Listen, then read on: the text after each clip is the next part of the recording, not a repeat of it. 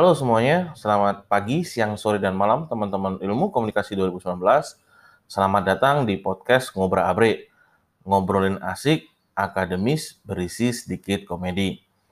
Pada podcast kali ini, kesempatan podcast kali ini, kita akan membahas mengenai uh, perilaku konsumen, di mana uh, perilaku konsumen itu kan secara sederhana adalah proses uh, pembelian atau pemenuhan kebutuhan konsumen untuk memenuhi apa yang dia inginkan atau apa yang dia butuhkan. Nah, secara sederhana, model perilaku konsumen terdiri dari yang namanya ada marketing stimuli, kemudian ada black box, dan ada target audience response.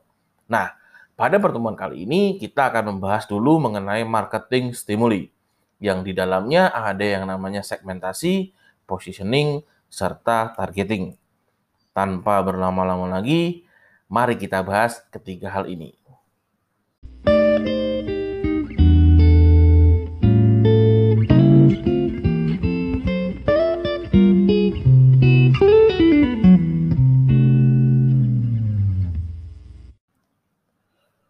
Pada dasarnya, tujuan dalam mendirikan perusahaan adalah mencari laba semaksimal mungkin. Keberhasilan suatu perusahaan dalam mencapai tujuan itu sangat dipengaruhi oleh kemampuan perusahaan dalam memasarkan produknya. Perusahaan dapat menjual produknya dengan harga yang menguntungkan pada tingkat kualitas yang diharapkan, akan mampu mengatasi tantangan dari para pesaing terutama dalam bidang pemasaran. Nah, berbicara mengenai pemasaran di sini, suatu pemasaran menurut Asauri tahun 1999 pada dasarnya adalah rencana-rencana yang menyeluruh, terpadu, serta menyatu di bidang pemasaran yang memberikan panduan tentang kegiatan yang akan dijalankan untuk kemudian dapat mencapai tujuan dari suatu perusahaan. Dengan kata lain, strategi pemasaran adalah serangkaian tujuan dan sasaran, kebijakan, dan memberi arah pada usaha yang meliputi promosi, pada usaha yang disebut produksi, distribusi, dan juga harga. Pemasaran itu merupakan salah satu faktor paling penting guna menjaga kelangsungan hidup perusahaan yang menghadapi persaingan. Nah, meskipun menjadi faktor penting, tidak sedikit perusahaan yang gagal menjalankan kegiatan pemasaran. Salah satu penyebabnya adalah banyak pemasar tidak mengerti tentang STP. STP itu bukan merek oli ya, tapi STP itu adalah segmentasi, targeting, dan positioning. Dan sering langsung menyusun program yang namanya marketing mix. Nah, marketing mix ini adalah uh, program pemasaran itu nanti akan kita bahas lagi. Tapi pada pertemuan atau pada podcast kali ini kita akan fokus kepada segmentasi, targeting, dan positioning. Jadi kebanyakan dari mereka nggak menyusun itu yang namanya STP. Mereka langsung ke marketing mix tanpa tahu mengenai apa strategi segmentasi mereka, ke mana target mereka, dan janji apa yang mereka tawarkan ke pasar.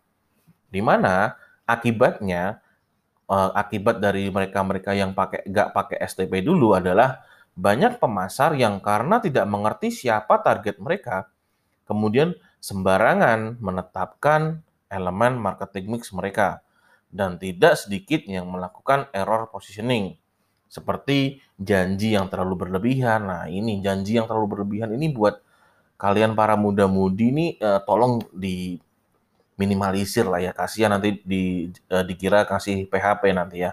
Jadi uh, uh, yang melakukan error positioning itu salah satunya adalah janji yang terlalu berlebihan, janji yang terlalu rendah, membuat janji yang membingungkan konsumen, serta janji yang diragukan oleh konsumen. Untuk mencapai hasil pemasaran yang optimal, pemasar pertama kali harus terlebih dahulu melakukan segmentasi pasar atas produk yang akan dijual. Segmentasi pasar pada intinya membagi potensi pasar menjadi bagian-bagian tertentu. Bisa berdasar pembagian demografis, berdasar kelas ekonomi dan pendidikan, ataupun juga berdasar gaya hidup atau sering disebut psikografis. Setelah segmentasi atas produk telah ditetapkan, maka langkah berikutnya adalah melakukan targeting atau membidik target market yang telah dipilih dalam analisa segmentasi pasar tadi. Dalam hal ini, tentu saja serangkaian program pemasaran yang dilakukan harus sesuai dengan karakteristik pasar sasaran yang hendak dituju. Langkah berikutnya adalah melakukan positioning produk.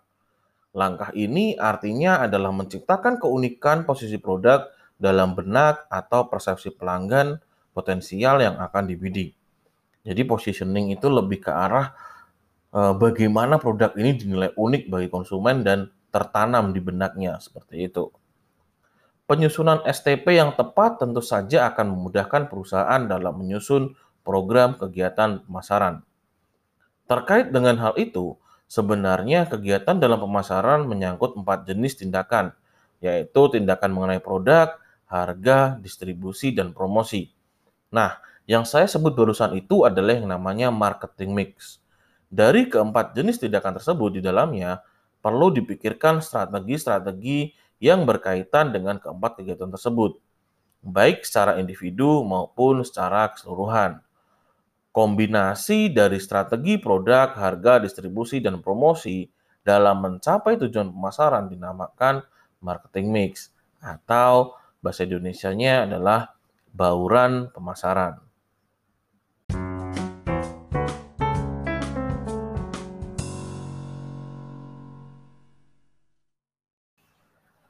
Sekarang kita akan coba bahas mengenai pengertian dan kegunaan segmentasi pasar.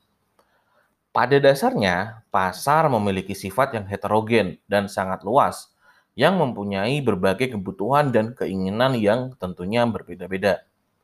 Perusahaan tidak bisa menawarkan suatu jenis produk untuk dapat memenuhi kebutuhan konsumen yang bermacam-macam. Artinya, satu jenis produk hanya diperlukan kelompok pasar tertentu saja.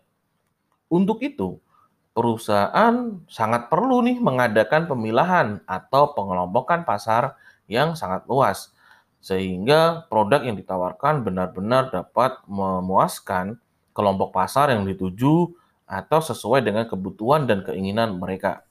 Jadi segmentasi itu memilah-milah ya. Jadi dari yang heterogen tadi, kemudian eh, saya cuma ngambil segmen ini aja, saya cuma ngambil segmen itu aja seperti itu. Kegiatan itu tadi yang disebut dengan segmentasi pasar. Sedang setiap kelompok pasar yang dituju disebut segmen pasar. Jadi kegiatan memilahnya itu adalah segmentasi pasar. Nah, dari memilah itu mendapatkan hasil kelompok-kelompok tertentu, kelompok itulah yang dinamakan dengan segmen pasar. Jadi, adapun pengertian segmentasi pasar menurut Kotler adalah uh, sebagai berikut. Jadi, menurut Kotler, segmentasi pasar itu adalah proses membagi pasar keseluruhan untuk suatu barang dan jasa ke dalam beberapa kelompok yang lebih kecil, di mana para anggota masing-masing kelompok mempunyai kesamaan terhadap faktor-faktor yang mempengaruhi permintaan tadi. Pada analisis segmentasi pasar, tugas pemasar di antaranya adalah yang pertama, tentunya harus mengidentifikasi kelompok-kelompok pembeli yang kebutuhannya berbeda-beda tadi. Yang kedua adalah menentukan letak perbedaan kebutuhan dari masing-masing kelompok. Dan yang ketiga adalah menentukan satu kelompok atau lebih yang pemenuhan kebutuhannya sesuai dengan kemampuan yang dimiliki perusahaan. Jadi atau disebut dengan effective targeting of marketing program. Jadi yang pertama tugas analisis segmentasi pasar itu adalah mengidentifikasi kelompok, yang kedua adalah menentukan letak perbedaan kebutuhan tiap kelompok tadi. Dan yang ketiga adalah memilih kelompok mana yang cocok dengan produk yang kita pakai, yang kita punya, seperti itu. Atau uh, untuk kaitannya lebih lanjut adalah ketika sudah memilih segmen pasar, maka produk apa nih yang paling cocok buat kita jual ke uh, segmen pasar tersebut atau atau bisa sebaliknya. Kemudian Faktor-faktor seperti kelompok usia, pendapatan, dan gaya hidup dapat atau sangat berkorelasi dengan pola pembelian. Pembelian apa pun, pembelian barang, mobil, jenis makanan, jasa pemilihan jasa keuangan, dan produk konsumsi lainnya. Sedangkan manfaat dan kegunaan dari segmentasi pasar adalah yang pertama, segmentasi pasar dapat mengidentifikasi peluang pengembangan produk baru Analisis yang cermat terhadap beberapa segmen pasar potensial menunjukkan adanya satu atau dua kelompok pasar yang memiliki kesamaan kebutuhan yang spesifik. Contohnya, penawaran laptop atau komputer atau komputer portable atau laptop itulah ya. Produk ini tercipta karena adanya pasar yang terdiri dari orang-orang sibuk yang menginginkan komputer dalam bentuk yang praktis dan bisa dibawa ke mana-mana. Dalam lab, dalam segmen laptop pun itu uh, targetingnya beda-beda nih. Ada yang sangat tipis, contohnya targetingnya dari Apple atau MacBook Air itu pasti ke mereka-mereka yang eksekutif muda. Kemudian targeting uh, laptop gaming itu ke siapa? Targeting laptop entry level itu ke siapa? Seperti itu pasti ada uh, targetingnya sendiri-sendiri dalam setiap segmen itu. Kemudian kegunaan kedua adalah dapat membantu mendesain program pemasaran dengan lebih efektif dalam meraih kelompok pasar yang homogen atau memiliki kesamaan karakteristik. Dan yang ketiga, dapat mengembangkan strategi pengalokasian sumber-sumber pemasaran dengan lebih baik. Dengan melakukan segmentasi pasar yang memfokuskan investasi pada segmen pasar tertentu atau yang spesifik, maka akan dapat akan didapatkan keuntungan jangka panjang, yaitu eh, kita sudah lama bermain di dalam segmen pasar ini. Tentunya kita akan lebih tahu persaingannya seperti apa. Kita akan ibaratnya itu eh, produk saya, produk yang saya jual itu megang duluan nih dalam segmen uh, tadi. Contohnya laptop tipis yang megang duluan itu siapa ya? Ada MacBook Air, kemudian ada ada apa lagi yo? Asus apa sih Asus yang tipis itu apa ya? Zenbook ya, ah, Asus Zenbook, kemudian ada yang lain-lain itu. Jadi nah, dalam satu segmen pasar itu ketika kita fokus pada segmen pasar itu, maka produk yang akan kita hasilkan itu yang apa namanya ya ibaratnya itu adalah megang dalam tanda kutip produk yang program yang uh, produk yang uh, udah dikenal masyarakat bahwa kalau tipis kalau laptop tipis ya milihnya ini kalau laptop in, gaming ya milihnya ini seperti itu itu adalah salah satu contoh untuk memenangkan persaingan yang kompetitif. Nah, tadi saya saya mengutarakan ada yang namanya segmen pasar di atas.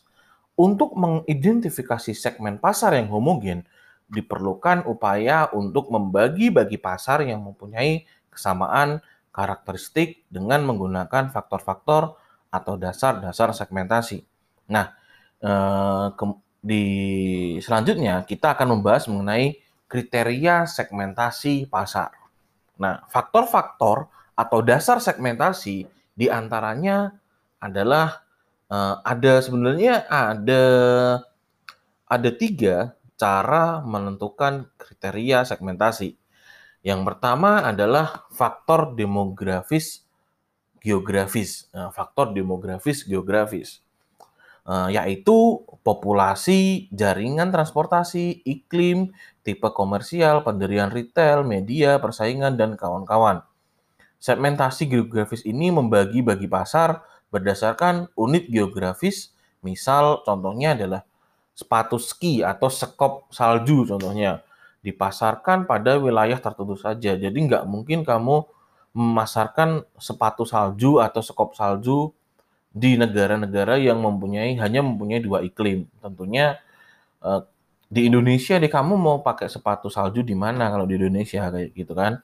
Jadi sepatu ski atau sepatu salju dipasarkan pada wilayah tertentu dan tidak akan dijual di wilayah tropis yang hanya mempunyai dua musim saja. Kemudian uh, contoh faktor demografis yang lain itu uh, banyak sekali yang bisa dicontohkan itu uh, apa ya? Uh, seperti, uh, jaringan transportasi deh, misal, ketika kamu imani sekarang, nah itu imani, jadi e-tol. Jadi kamu nggak mungkin promosi e-tol di wilayah-wilayah yang tidak ada jalan tolnya, itu sangat-sangat tidak ya mungkin laku, mungkin, tapi nggak akan kenceng penjualannya, seperti jadi itu yang harus dipertimbangkan. Kemudian yang kedua ada faktor demografis pribadi itu masuk ke umur, jenis kelamin, kemudian penghasilan, pekerjaan, status perkawinan, besarnya rumah tangga, agama, dan kawan-kawan. Segmentasi demografis ini memisahkan pasar ke dalam kelompok-kelompok yang didasarkan pada variabel-variabel uh, budaya atau subbudaya. Misal, pemasar perlu memperhatikan faktor demografi pribadi dengan kriteria umur dan jenis kelamin untuk memasarkan produk baju dan sepatu. Kemudian, nah kalau kita berbicara mengenai baju aja deh, jadi ada kriteria umur dan jenis kelamin. Itu pasti eh, masalah ukuran, masalah corak, kemudian ataupun desain baju, sepatu untuk anak-anak tertentu, uh, untuk anak-anak tentu berbeda dengan yang uh, diperuntukkan untuk dewasa. Misal uh, baju anak-anak mungkin motifnya masih kartun, apalah Bernard Bernard Bear atau apa sih yang tiga beruang itu, tapi kalau buat dewasa mungkin sudah uh, Marvel atau mungkin motif-motif lain kayak gitu. Jadi uh, kriteria uh, faktor demografi pribadi itu yang membedakan adalah seperti itu. Dan selain baju ada juga contoh lain antara lain produsen susu formula. Produsen susu formula itu jelas membeda-bedakan produk berdasarkan usia. Jadi ada yang susu formula untuk satu tahun ke atas, tiga tahun, kemudian lima tahun dan kawan-kawan itu salah satu contoh bentuk faktor demografis pribadi. Usia merupakan variabel demografis yang cukup dominan. Salah satu segmen global berbasis demografis adalah global teenager, yaitu anak muda usia 12 sampai 19 tahun. Kelompok remaja ini menunjukkan perilaku konsumsi yang cukup kuat dikarenakan mereka mempunyai minat akan mode, musik, dan gaya hidup remaja. Kelompok ini selain berbasis demografis juga psikografis, karena mereka mempunyai kebutuhan hasrat dan fantasi universal seperti nama merek, pengalaman baru, hiburan, produk, tren, dan berorientasi pada citra. Jadi segmen ini menjadi memikat. Jadi segmen ini adalah segmen paling seksi yang dibidik oleh pemasar karena uh, segmen yang paling memikat, kemudian banyak banget calon pembelinya, baik dalam hal jumlah maupun potensi daya beli. Perusahaan-perusahaan yang membidik segmen ini antara lain adalah perusahaan-perusahaan yang levelnya udah gede-gede banget. Ada Coca-Cola, kemudian ada Sony, kemudian ada uh, brand-brand baju Uniqlo membidik ini, kemudian uh, produk-produk yang lain, Converse, Nike, Adidas semua pasti membidik pada usia 12 sampai 19 tahun. Revolusi komunikasi global turut mendukung munculnya segmen ini. Jadi uh, revolusi komunikasi global itu adalah salah satu contohnya itu uh, kalau zaman saya dulu itu ada yang namanya MTV. Jadi uh, program acara musik atau stasiun musik yang disebut dengan MTV. Di MTV itu kita bisa melihat kultur-kultur budaya di luar sana di dunia barat. Ya kan? Jadi budaya barat yang kita pakai, yang kita contoh, yang kita tiru untuk dalam hal berpakaian, dalam hal mode, dalam hal uh, penampilan, gaya rambut dan kawan-kawan. Jadi uh, eh, MTV ini secara nggak langsung membuat kita atau mengarahkan kita untuk meniru kultur budaya Barat, seperti itu. Jadi ada uh, ketika kita berbicara mengenai unsur demografis ini adalah unsur yang biasanya itu paling signifikan dalam hal segmentasi pasar. Segmen global lain berbasis demografi dan psikografi yang tak kalah penting adalah kelompok orang yang lebih tua. Orang yang lebih makmur, banyak perbagian, dan suka membeli produk bergengsi dengan citra eksklusif. Kebutuhan dan keinginan segmen ini tersebar daripada berbagai kategori produk ini juga segmen kedua ini adalah segmen orang yang lebih tua ini, orang yang makmur, kemudian sering traveling dan suka membeli produk ini ini Eh, nggak uh, kalah nggak kalah luasnya dengan yang teenager tadi atau global teenager tadi. Jadi orang-orang ini, orang-orang yang sudah mapan, yang sudah enak hidupnya, itu sering kali dia memberi membeli barang yang tahan lama. Jadi contohnya adalah kalau beli beli mobil ya mobil yang luxury sekalian, BMW, Mercy dan kawan-kawan. Kemudian kemudian ada yang namanya uh, jasa finansial, jasa asuransi, kemudian dia lebih memilih uh, untuk produk-produk yang sudah punya nama dan bergengsi untuk menunjukkan bahwa nih lo aku wis mapan, aku udah mapan, aku jangkul kayak gini dari sisi fashionnya, dari sisi uh, apa namanya kebutuhan akan barang tahan lama seperti mobil tadi dan kawan-kawan. Jadi orang yang lebih mapan dan lebih sudah enak hidupnya ini cenderung membeli barang yang mencerminkan posisi dia sekarang ini seperti itu. Nah, itu tadi faktor demografis uh, faktor demografis pribadi. Kemudian ada lagi yang namanya faktor psikografis dan keperilakuan atau faktor perilaku, yaitu kepribadian, sikap, manfaat produk yang diinginkan, persepsi, loyalitas merek, pengalaman menggunakan produk, dan kawan-kawan. Ini segmentasi ini uh, lebih lebih apa ya? Lebih lebih rigid, lebih detail karena yang dinilai sudah kalau tadi kan umur udah kelihatan nih, kalau dinilai itu ada angkanya. Kalau segmentasi psikografis ini lebih ke arah pendapat atau apa yang dipikirkan oleh orang lain. Nah, eh, dalam segmentasi psikografis atau berbasis gaya hidup ini, eh, ada penelitian-penelitian yang dilakukan untuk gimana caranya sih atau apa fungsinya sih orang melakukan segmentasi eh, psikografis ini gitu kan. Jadi uh, Laudon dan Della Bita pada tahun 93 mempertegas bahwa uh, penelitian yang dilakukan berdasarkan segmentasi dengan basis gaya hidup pada dasarnya adalah untuk mengukur yang pertama, bagaimana orang-orang memanfaatkan waktunya untuk melakukan aktivitas. Yang kedua, apa yang menjadi minat atau interest utama tentang sesuatu di sekitarnya. Dan yang ketiga adalah opini dan pandangan mereka tentang sesuatu di sekitarnya. Bersama-sama, ketiganya dinyatakan sebagai aktivitas, minat, dan opini, atau activities, interest, dan and opinions. Jadi, tiga hal inilah yang apa namanya yang dilihat oleh pemasar dalam menentukan segmen berbasis psikografis atau perilaku. Itu ada activities, ada interest, dan ada opinions. Contoh upaya segmentasi psikografis dilakukan oleh produsen mobil yang mendesain mobil berdasarkan pada faktor gaya hidup dan kepribadian konsumen. Produsen mendesain mobil sport untuk konsumen bergaya sportif, mobil sedan luxury untuk yang menginginkan kesan eksklusif dan mengutamakan kenyamanan, dan banyak hal lainnya. Selain memperhatikan karakteristik konsumen, pasar juga dapat disegmentasikan berdasarkan tanggapan konsumen atau segmentasi keperilakuan.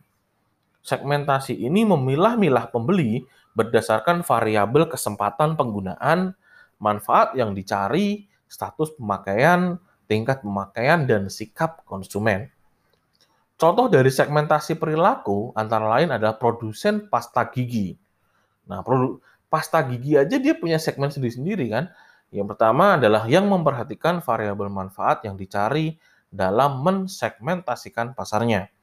Misal pasta gigi Pepsodent yang cuman merah putih itu itu lebih menawarkan fungsinya yaitu manfaat perlindungan terhadap gigi dan kawan-kawan.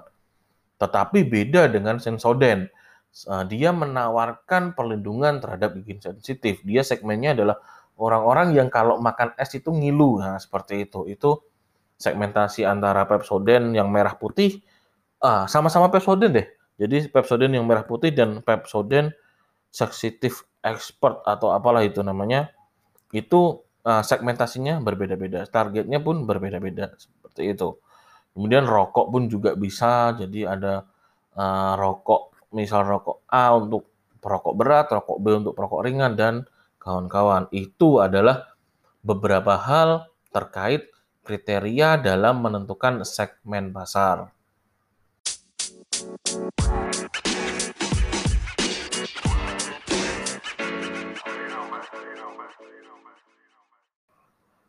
Setelah kita tadi membahas mengenai segmentasi, kemudian kita lanjut mengenai hal selanjutnya yaitu targeting, yaitu atau disebut dengan pasar sasaran. Kalau kita lihat selama ini Eh, semakin banyak perusahaan memilih pasar sasaran yang akan dituju. Keadaan ini dikarenakan mereka menyadari bahwa pada dasarnya mereka tidak dapat melayani seluruh pelanggan dalam pasar tersebut. Terlalu banyaknya pelanggan sangat berpencar dan tersebar serta bervariatif dalam tuntutan kebutuhan dan keinginannya.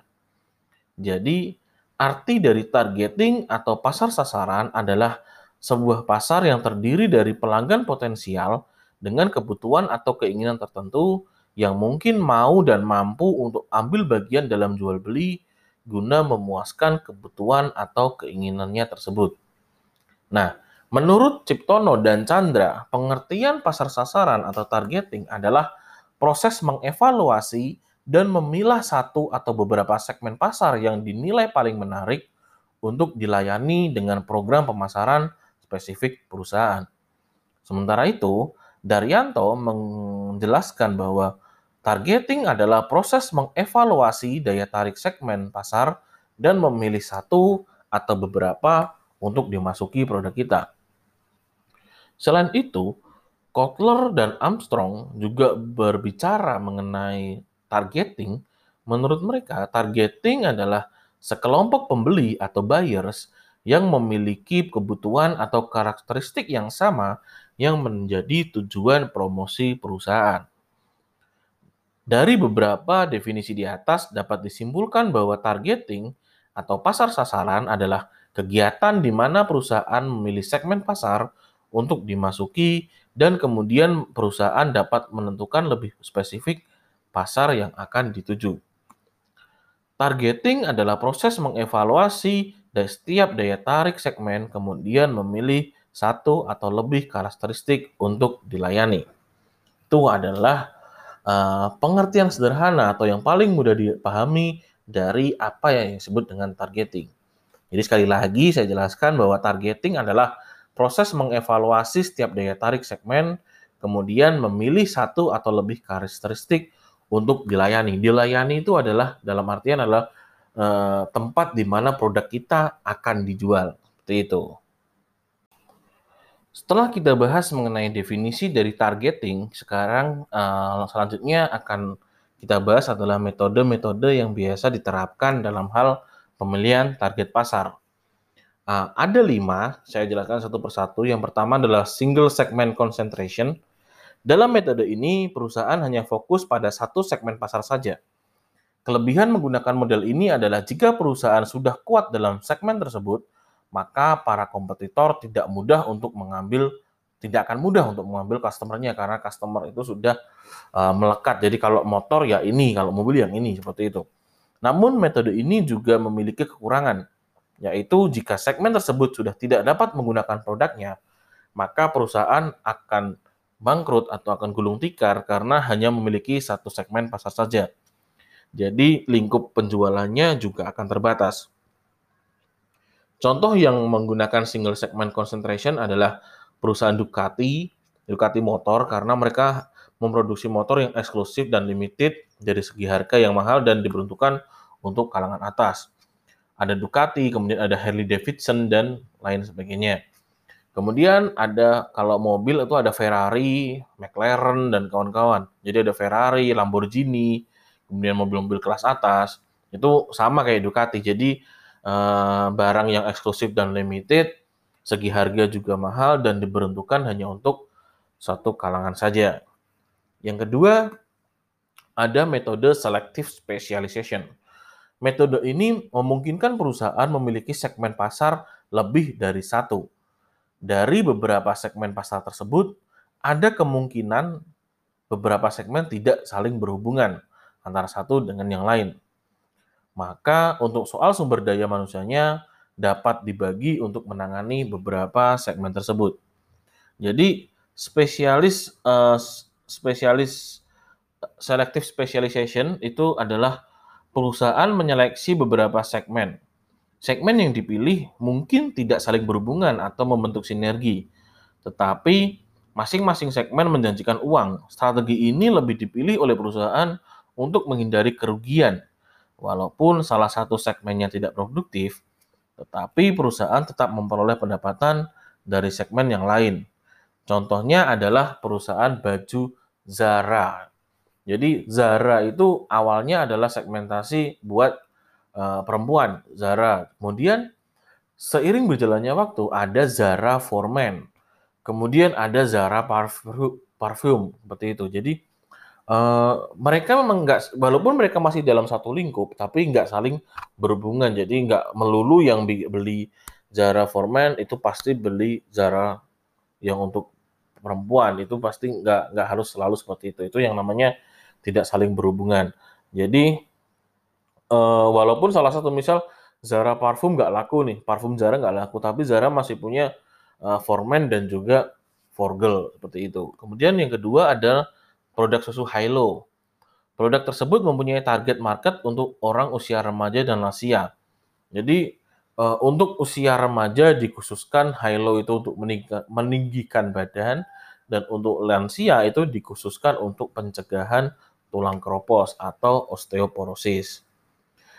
Nah, yang ketiga, metode target market yang ketiga adalah market specialization. Dengan metode ini, perusahaan hanya fokus untuk menyediakan kebutuhan satu pasar saja. Reputasi dari perusahaan akan terus-menerus naik di pasar tersebut, dan bukan tidak mungkin semua produk dari perusahaan akan digunakan oleh semua lapisan dari pasar tersebut. Jangkauannya kalau market specialization itu jangkauannya sangat luas. Contohnya adalah Nike. Perusahaan Nike mereka memproduksi bukan hanya sepatu, namun juga ada pakaian, celana, topi, sandal, kaos kaki, dan barang lainnya yang dapat dipakai oleh semua lapisan masyarakat. Kemudian yang kedua ada perusahaan P&G atau Procter and Gamble. Selain terkenal uh, dengan barang-barang konsumsinya seperti sampo Pantene, Head and Shoulder, dan Rejoice, P&G atau Protect, uh, Procter dan Gamble juga memproduksi parfum Hugo Boss dan juga Gucci. Mereka memproduksi pula produk penerawatan kulit SK2 dan Olay serta produk busana Dolce Gabbana. Sama seperti Nike, produk PNG juga bisa dipakai semua lapisan masyarakat. Jadi nggak melulu uh, dari kalangan atas sampai kalangan bawah itu bisa pakai Nike. Dari kalangan atas sampai kalangan bawah bisa pakai produknya PNG dan sebagainya. Kemudian ada lagi uh, metode keempat adalah product specialization. Dengan metode ini, perusahaan hanya fokus pada satu produk saja dengan mengusung keunggulan produk tersebut, maka reputasi yang kuat bisa didapat. Tapi metode ini eh, perusahaan harus lebih kreatif dengan produknya. Karena kunci sukses dari target market yang seperti ini atau product specialization adalah terletak pada kreativitas perusahaan untuk menyajikan produknya. Jadi uh, packagingnya tuh harus paling menarik karena pro, satu produk atau satu produk uh, dia hanya cuman uh, mengusung keunggulan produk dan keunggulan produk ini lah yang harus sangat-sangat ditonjolkan. Jadi produk perusahaan tersebut memiliki uh, banyak jenis. Jadi dalam satu produk jenisnya ada banyak. Contohnya Pepsodent. Ada Pepsodent Expert Protection di mana uh, membersihkan apa sih plak plak plak plak apa plak ya plak gigi atau kotoran gigi hingga 24 jam. Kemudian ada Pepsodent Complete and Gum Care itu mengurangi rasa ngilu dalam 30 uh, mencegah gigi berlubang. Kemudian ada Sensitive Expert yang untuk mengurangi rasa ngilu dalam 30 detik dan kawan-kawan. Jadi itulah jenis-jenis produk Pepsodent yang memiliki banyak jenis dan kreatif dengan memberikan keunggulan pada masing-masing produknya. Jadi satu produk banyak jenisnya dan jenis itu buat uh, target market yang berbeda-beda. Itu adalah salah satu contohnya adalah Pepsodent. Kemudian contoh lain adalah Pantene.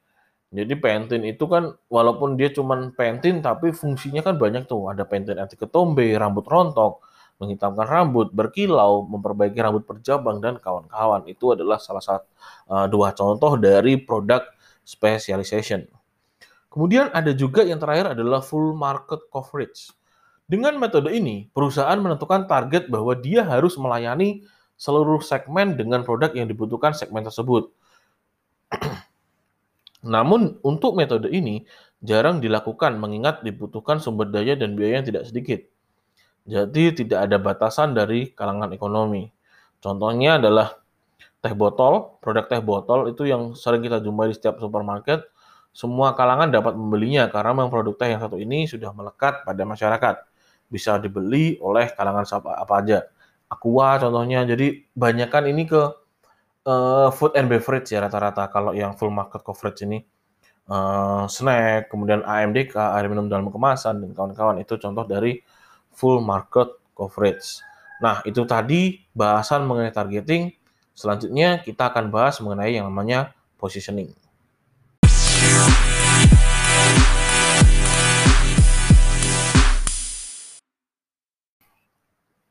Nah, setelah tadi kita melakukan segmentasi pasar, kemudian menentukan sasaran pasar, perusahaan perlu, perlu melakukan penentuan posisi penawarannya. Untuk mendapatkan keunggulan kompetitif, perusahaan perlu mengembangkan strategi penentuan posisi produk ke pasar sasaran yang dituju. Adapun pengertian penentuan posisi produk adalah sebagai berikut.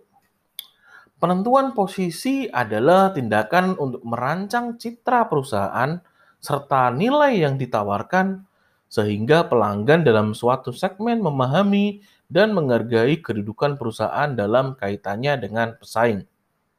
Dengan demikian, penentuan posisi produk lebih memfokuskan pada apa produk itu, seperti apa produk itu, dan bagaimana pelanggan harus mengevaluasinya. Perusahaan harus mengetahui persepsi dan preferensi pembeli mengenai produk yang ditawarkan Pemosisian produk menyangkut posisi suatu merek dalam benak konsumen, sehingga dipersepsikan unik dan unggul dibanding merek pesaing dalam hal atribut dan manfaat produk. Perusahaan harus berusaha membuat produknya lebih menonjol dari produk pesaing dan membuatnya lebih menarik bagi pembeli. Untuk melakukan strategi penentuan posisi pasar yang baik, perusahaan harus memutuskan karakteristik dan keistimewaan khusus yang membedakan produk yang ditawarkan dengan pesaing kepada pasar sasaran. Produk-produk yang memiliki posisi pasar yang kuat, misalnya Sampurna Email, yang berani membuat, membuat pernyataan-pernyataan dalam mempromosikan produk rokoknya dengan slogan How low you can go atau Others can only follow Pernyataan tersebut berusaha mengatakan bahwa produk rokok email memiliki kandungan tar dan nikotin rendah dan merupakan pemimpin pasar untuk jenis rokok ringan atau rokok bukan kretek itu rokok putih lah ya. Berbagai cara dapat dilakukan pemasaran dalam melakukan pemosisian suatu produk. Tidak hanya dengan menggunakan atribut berikut berbagai cara. Jadi ada beberapa cara selain pakai atribut adalah ada berbagai cara tentang positioning yang dapat dikembangkan. Ada sekitar tujuh cara yang dapat dikembangkan. Yaitu yang pertama, positioning berdasarkan perbedaan produk.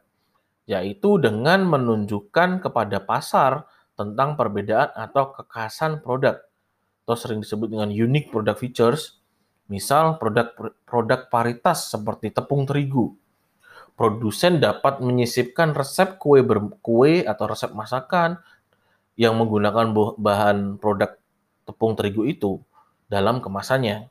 Kelemahan cara ini adalah mudah ditiru pesaing karena pesaing 100% bisa melihat bahwa oh dalam kemasan teri, terigu tepung terigu ini tuh dia dikasih resep nih ah bisa aku tiru. Itu kelemahannya adalah pesaing bisa langsung menirukan apa yang dilakukan oleh merek tersebut. Kemudian yang kedua, positioning berdasarkan manfaat produk. Sepanjang konsumen menganggap manfaat suatu produk sangat diperlukan konsumen, perusahaan dapat menonjolkan item ini. Beberapa bentuk manfaat produk yang dapat ditonjolkan antara lain waktu, kemudahan, kejelasan, kejujuran, kenikmatan, murah, jaminan, dan sebagainya. Manfaat dapat bersifat ekonomis dalam hal murah, wajar, sesuai dengan kualitas, dapat bersifat fisik, bisa berupa tahan lama, bagus, dan enak dilihat, atau emosional, atau berhubungan dengan self-image atau status sosial uh, buyer. Jadi ketika buyer membeli produk itu, maka apa sih status sosial apa yang meningkat dari diri saya? Seperti itu. Yang ketiga adalah positioning berdasarkan pemakaian. Sampo clear dan minuman, wah ini minuman jadul nih, Gatorade atau Extra Joss. Extra Joss lah ya yang lebih gampang ya, menggunakan positioning ini. Sampo clear dengan manfaat anti ketombenya, ya clear kan selalu identik dengan sampo anti ketombe. Kemudian minuman Extra Joss atau minuman-minuman energi yang lain itu ditonjolkan sebagai minuman kesegaran bagi uh, para atlet dengan manfaat penghilang dahaga. Jadi selain minuman berenergi seperti extra joss, kemudian maizone, Pocari Sweat itu kan ditonjolkan sebagai minuman kesegaran bagi atlet. Jadi kalau atlet minum ini tuh energinya nambah, nah kayak gitu. Jadi positioning berdasarkan pemakaian. Dan nomor empat ada positioning berdasarkan kategori produk. Produk-produk yang muncul dalam suatu kategori produk seperti Sampurna Email menggunakan positioning ini. Karena rokok-rokok yang sebelumnya lebih menggambarkan sosok pria sejati, keras, kaya aroma, dan kawan-kawan. Dengan kategori low tar dan nikotin, rokok tar dan nikotin itu adalah kandungan dalam satu batang rokok ya. Rokok ini lebih menonjolkan sebagai rokok pertama yang dalam tanda kutip nih lebih sehat katanya dari rokok-rokok yang lain. Nah, seperti itu. Rokok kok sehat yo. Ya walaupun tarnya kecil kan tetap rokok namanya ya. Kemudian nomor 5, positioning kepada pesaing. Di Amerika, Avis, Avis ini sebuah produk uh, tentang uh, kesehatan, mengatakan sebagai we are number two, sehingga konsumen menjadi ingat bahwa Avis memang uh, nomor dua setelah Hertz. Hertz itu merupakan salah satu produk juga yang bermain di ranah yang sama, yang memang nomor satu. Di Indonesia contohnya, contoh lain di Indonesia, karena perbandingan secara tidak langsung dilarang. Uh, jadi perbandingan jadi di Indonesia itu ketika membandingkan sebuah produk secara langsung itu eh, sangat-sangat uh, dilarang ya. Maka pemasaran menggunakan cara tidak langsung. Kalau di uh, contohnya kalau pembandingan uh, contoh langsung itu positioning kepada pesaing itu paling gampang nih uh, contoh tadi terlalu ribet ya. Paling gampang itu adalah ketika Coca-Cola dan Pepsi Nah, ketika kalian melihat iklan Coca-Cola dan Pepsi, silahkan kalian lihat dan kali uh, di situ positioningnya jelas sekali. Contohnya adalah uh, kalau nggak salah itu Pepsi yang dijadikan pijakan kaki buat si anak kecil milih Coca-Cola dan kawan-kawan seperti itu. Itu adalah uh, jadi contohnya Pepsi dan Coca-Cola, kemudian McD dengan Burger King seperti itu. Itu adalah salah satu contoh positioning kepada pesaing di uh, Amerika sana di Barat. Tapi kalau di Indonesia, di Indonesia itu kan nggak boleh nih membandingkan dua langsung berjejeran atau berdampingan gitu kan nggak boleh. Maka pemasar menggunakan cara tidak langsung. Jadi contohnya adalah di saat jarum rokok jarum, uh, grup jarum grup dan bentul grup rokok juga sama mengeluarkan LA Light dan Star Mill Sampurna langsung secara nggak jadi uh, Sampurna dengan Sampurna emailnya tadi mail merah gitu kan. Itu kan udah pertama nih dalam hal lotar atau rokok sehat lah ya dalam tanda kutip. Nah jarum dan bentul ikut-ikutan nih ngeluarin kalau jarum ngeluarin ngeluarin LA Light kalau bentul ngeluarin yang namanya rokok Starmile nah ketika dua rokok ini keluar Sampurna email dengan gamblang atau dengan uh, menohok sarkas dia mengeluarkan slogan how low you can go seberapa rendah kamu bisa uh, bersaing gitu loh pada iklan rokok ML-nya itu jadi uh, positioning kepada saing itu ibaratnya adalah benar-benar di head to headin dibandingkan antara satu produk dengan produk yang dia punya itu adalah positioning kepada pesaing. Kemudian nomor 6 ada positioning melalui imajinasi.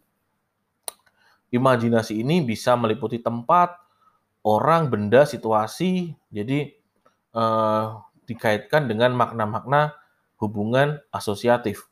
Contohnya LA Lights diasosiasikan dengan Los Angeles Light. Jadi cahaya di kota Los Angeles. Kemudian ada Marlboro. Marlboro diasosiasikan sebagai uh, gaya hidup Amerika atau cowboy. Waktu waktu dulu zaman iklan rokok itu boleh masih boleh menayangkan produk rokoknya di mana kalau sekarang kan kalau kita lihat iklan rokok di televisi itu kan banyaknya menayangkan uh, adventure seperti rokok downhill gitu. Misalkan dia adventure kemudian ke gua-gua seperti itu. Tapi kalau zaman dulu itu misal rokok Marlboro itu diiklankan ya memang kehidupan Amerika banget. Cowboy kemudian gurun kayak gitu seperti itu. Nah itu adalah bentuk makna hubungan asosiatif dari rokok ke uh, hal imajinatif lainnya.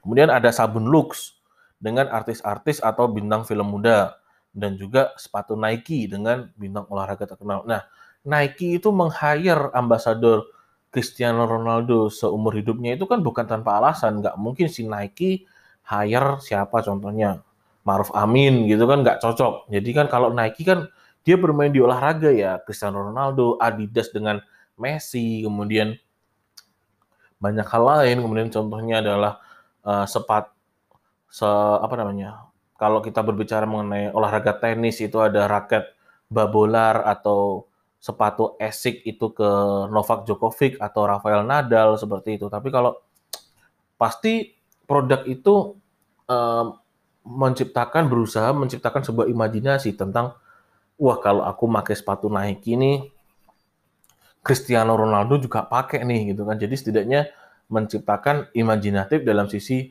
bayar. Tapi coba kalau misal contohnya uh, sepatu Nike kemudian wah ini Ma'ruf Amin juga pakai nih, tapi kan eh piye gitu loh, kayak kayak nggak pas gitu loh contohnya.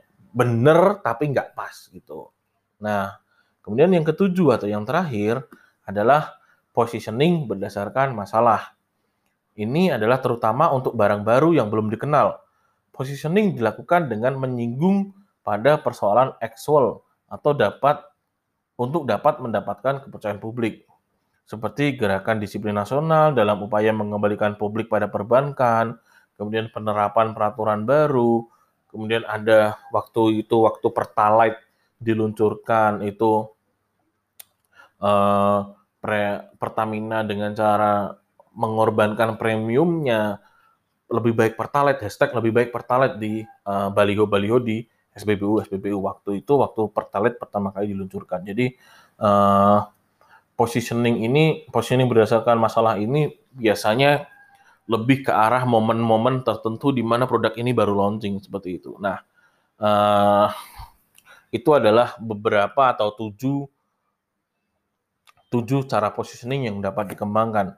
Uh, sebenarnya kalau positioning ini juga bahasan selanjutnya mengenai positioning itu lebih ke arah marketing mix. Tapi marketing mix akan kita bahas minggu depan uh, melalui perkenalan online yang lain. Jadi kita kalau perkenalan itu metodenya ada banyak. Yang pertama adalah full elita, kemudian ada podcast, kemudian ada WhatsApp dan lain-lain. Nah ini nanti marketing mix kita akan coba uh, treatment dalam kelas online di metode yang berbeda. Seperti itu teman-teman.